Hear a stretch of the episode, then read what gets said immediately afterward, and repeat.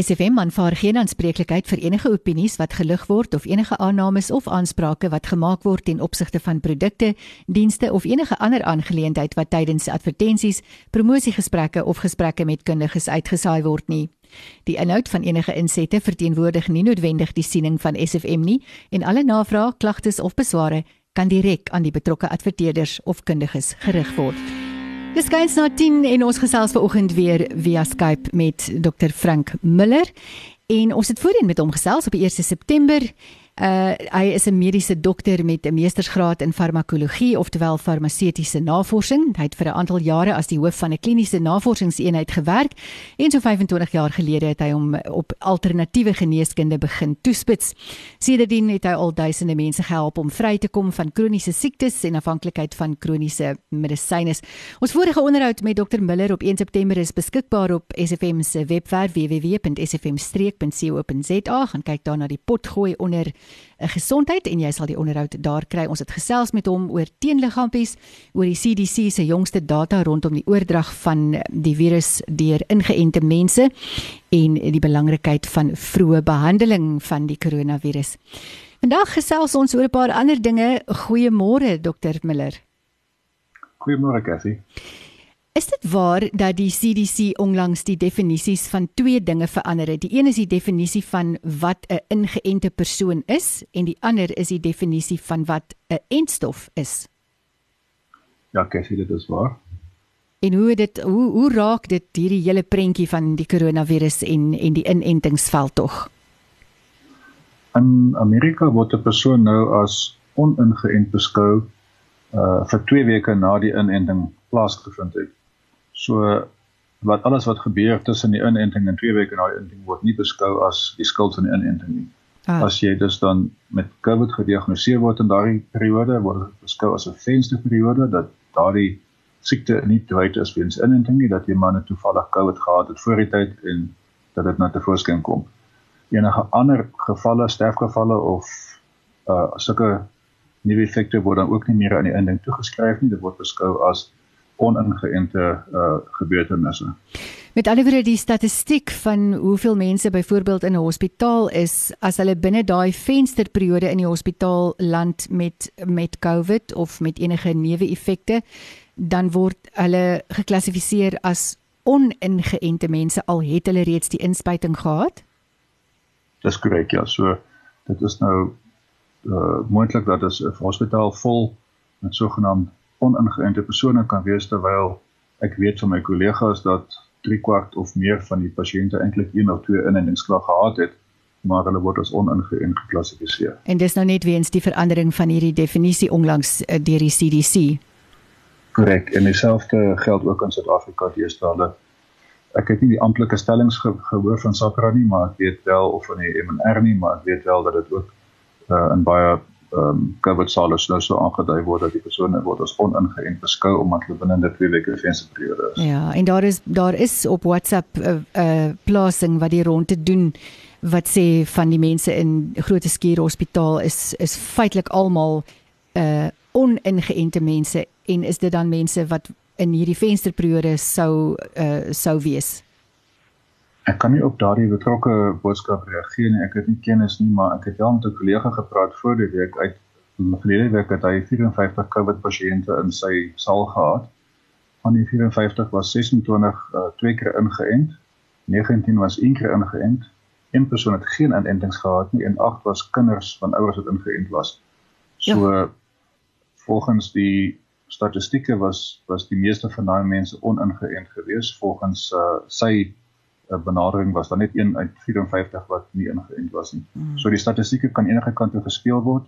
Dit hang net af met wie jy praat en hoe eerlik die mense is oor wat werklik gebeur het.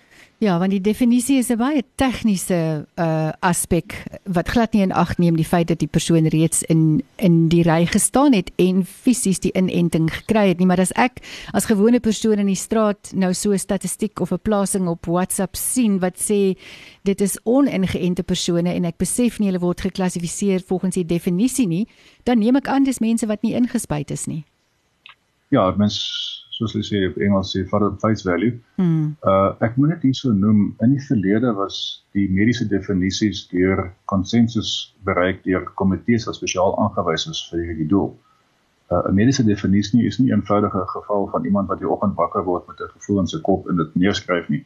Hierdie word deur experts oor maande en jare uh gedebatteer en uiteindelik word 'n definisie neergepen waarop daar konsensus is wat almal kan saamstem want hy elke definisie het 'n implikasie op die behandeling maar ook 'n implikasie op die mediese fondse wat vir die behandeling betaal. Ja. Vir daardie rede is dit belangrik om die mediese definisie presies reg te kry. Ja. Hierdie definisie verandering het nie gepaard gegaan met daai soort van konsensus nie. Dit was eenvoudig 'n klein kabaal binne kan die CDC wat die verandering gemaak het sonder om te raadpleeg met die groter gros van Amerikaanse dokters.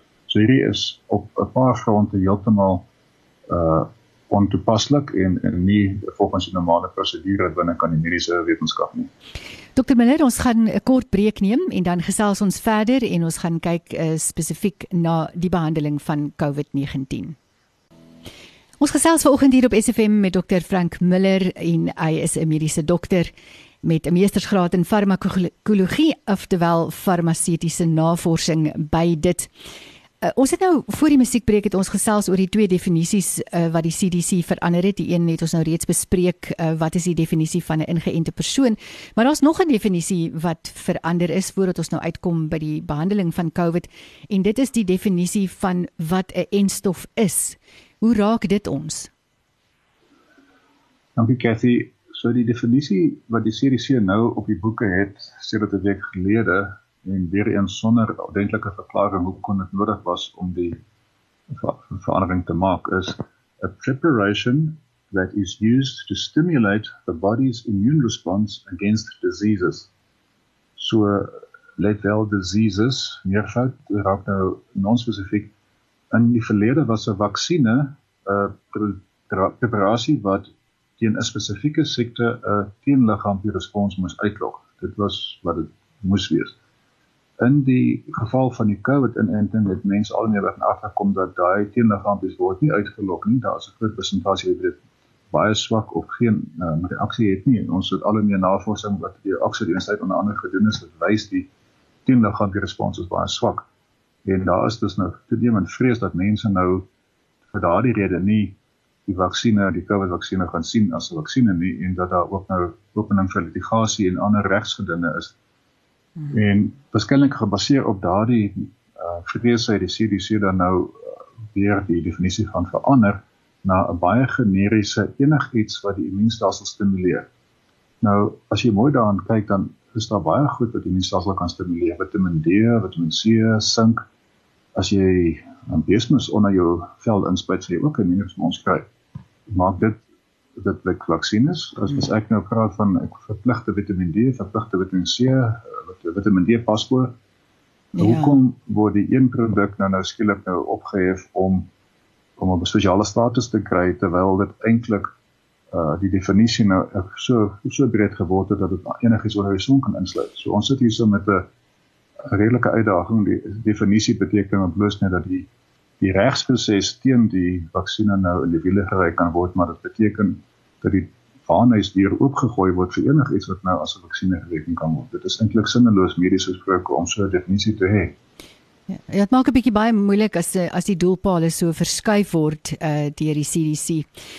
Eh, net 'n ander onderwerp uh voordat ons nou gesels oor die behandeling van van COVID. Daar is 'n vraag wat opgekom het en ek gee maar die Engelse term wat ek weet nie wat die Afrikaans is nie. Wat van die monoclonal antibodies wat uh, hulle in Amerika voorstaan as dit kom by die behandeling van COVID-19?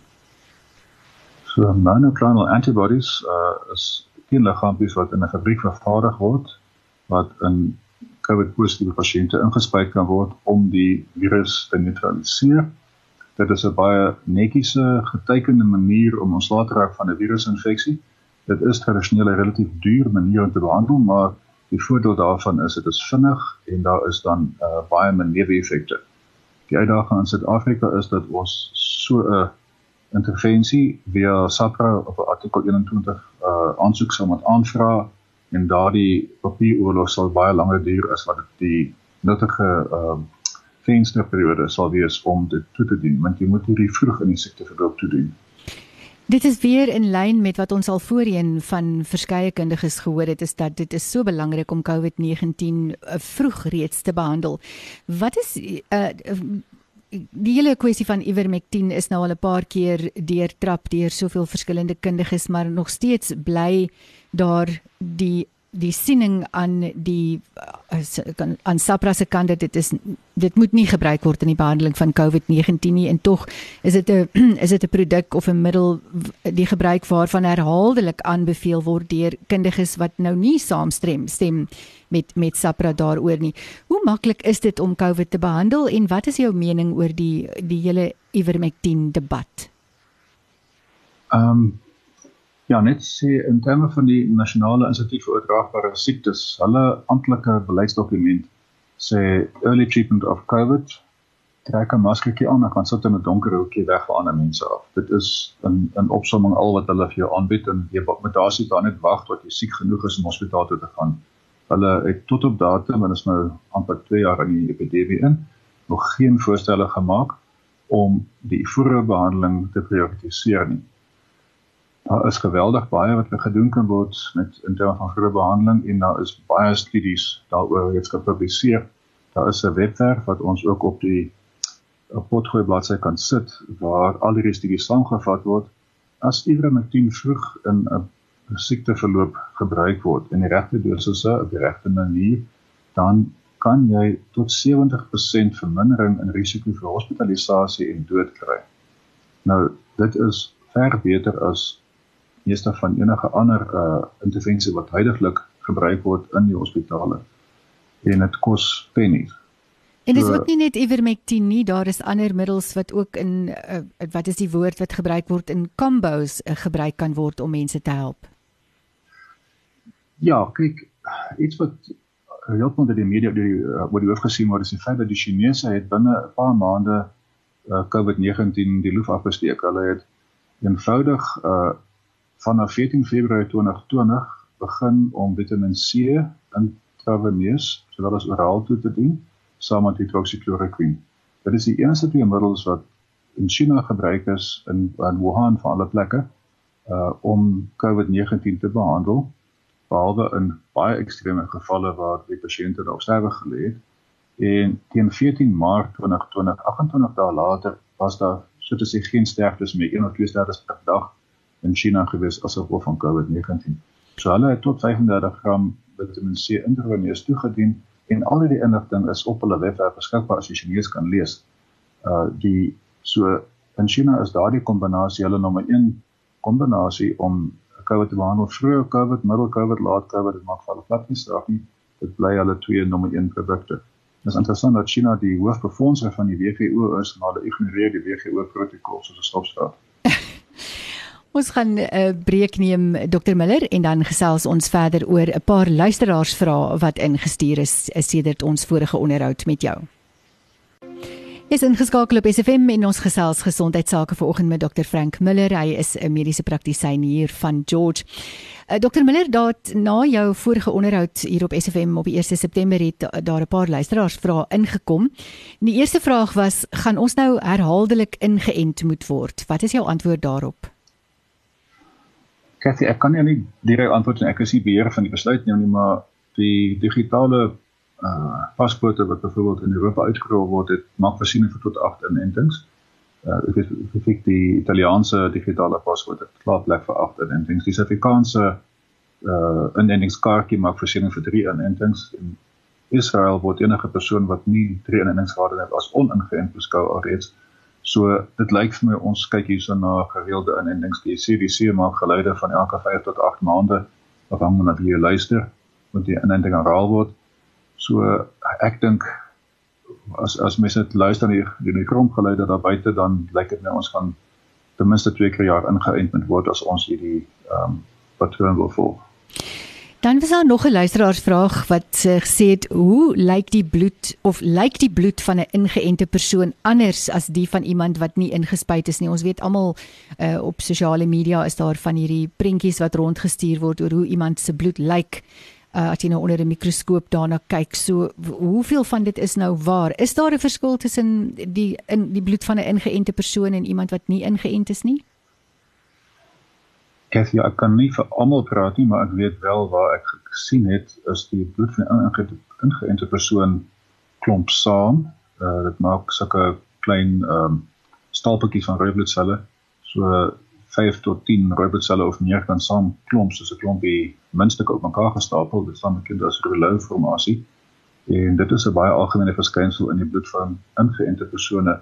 Dit word ook beskou as eerstens die rede hoekom suurstof vlakke in die persone mag daal en tweedens die ander verskynsel van bloedklonte wat uh, voorkom veral dan in, in vatbare vrouens wat uh, daardie klein stapels van van robotselle dan saamklomp en dan 'n uh, klein bloedvat uh, verstop. So dit is definitief 'n verskil. Die as as 'n mens die rouleau formasie sien in bloed dan weet jy gewoonlik daar is een of ander siekte proses in die gang en dit is uh, nie 'n gesonde proses nie. Ja. 'n Laaste luisteraarsvraag voordat ons uh, hierdie gesprek afsluit vir vandag. 'n uh, Luisteraar wat wil weet, moet swanger mammas ingeënt word? En die luisteraar sê dat sy spesifiek vra omdat sy reeds gehoor het uh, dat uh, haar eie dokter dit ten sterkste aanbeveel, maar ander dokters sê moet nie inent as jy as jy swanger is of borsvoed nie.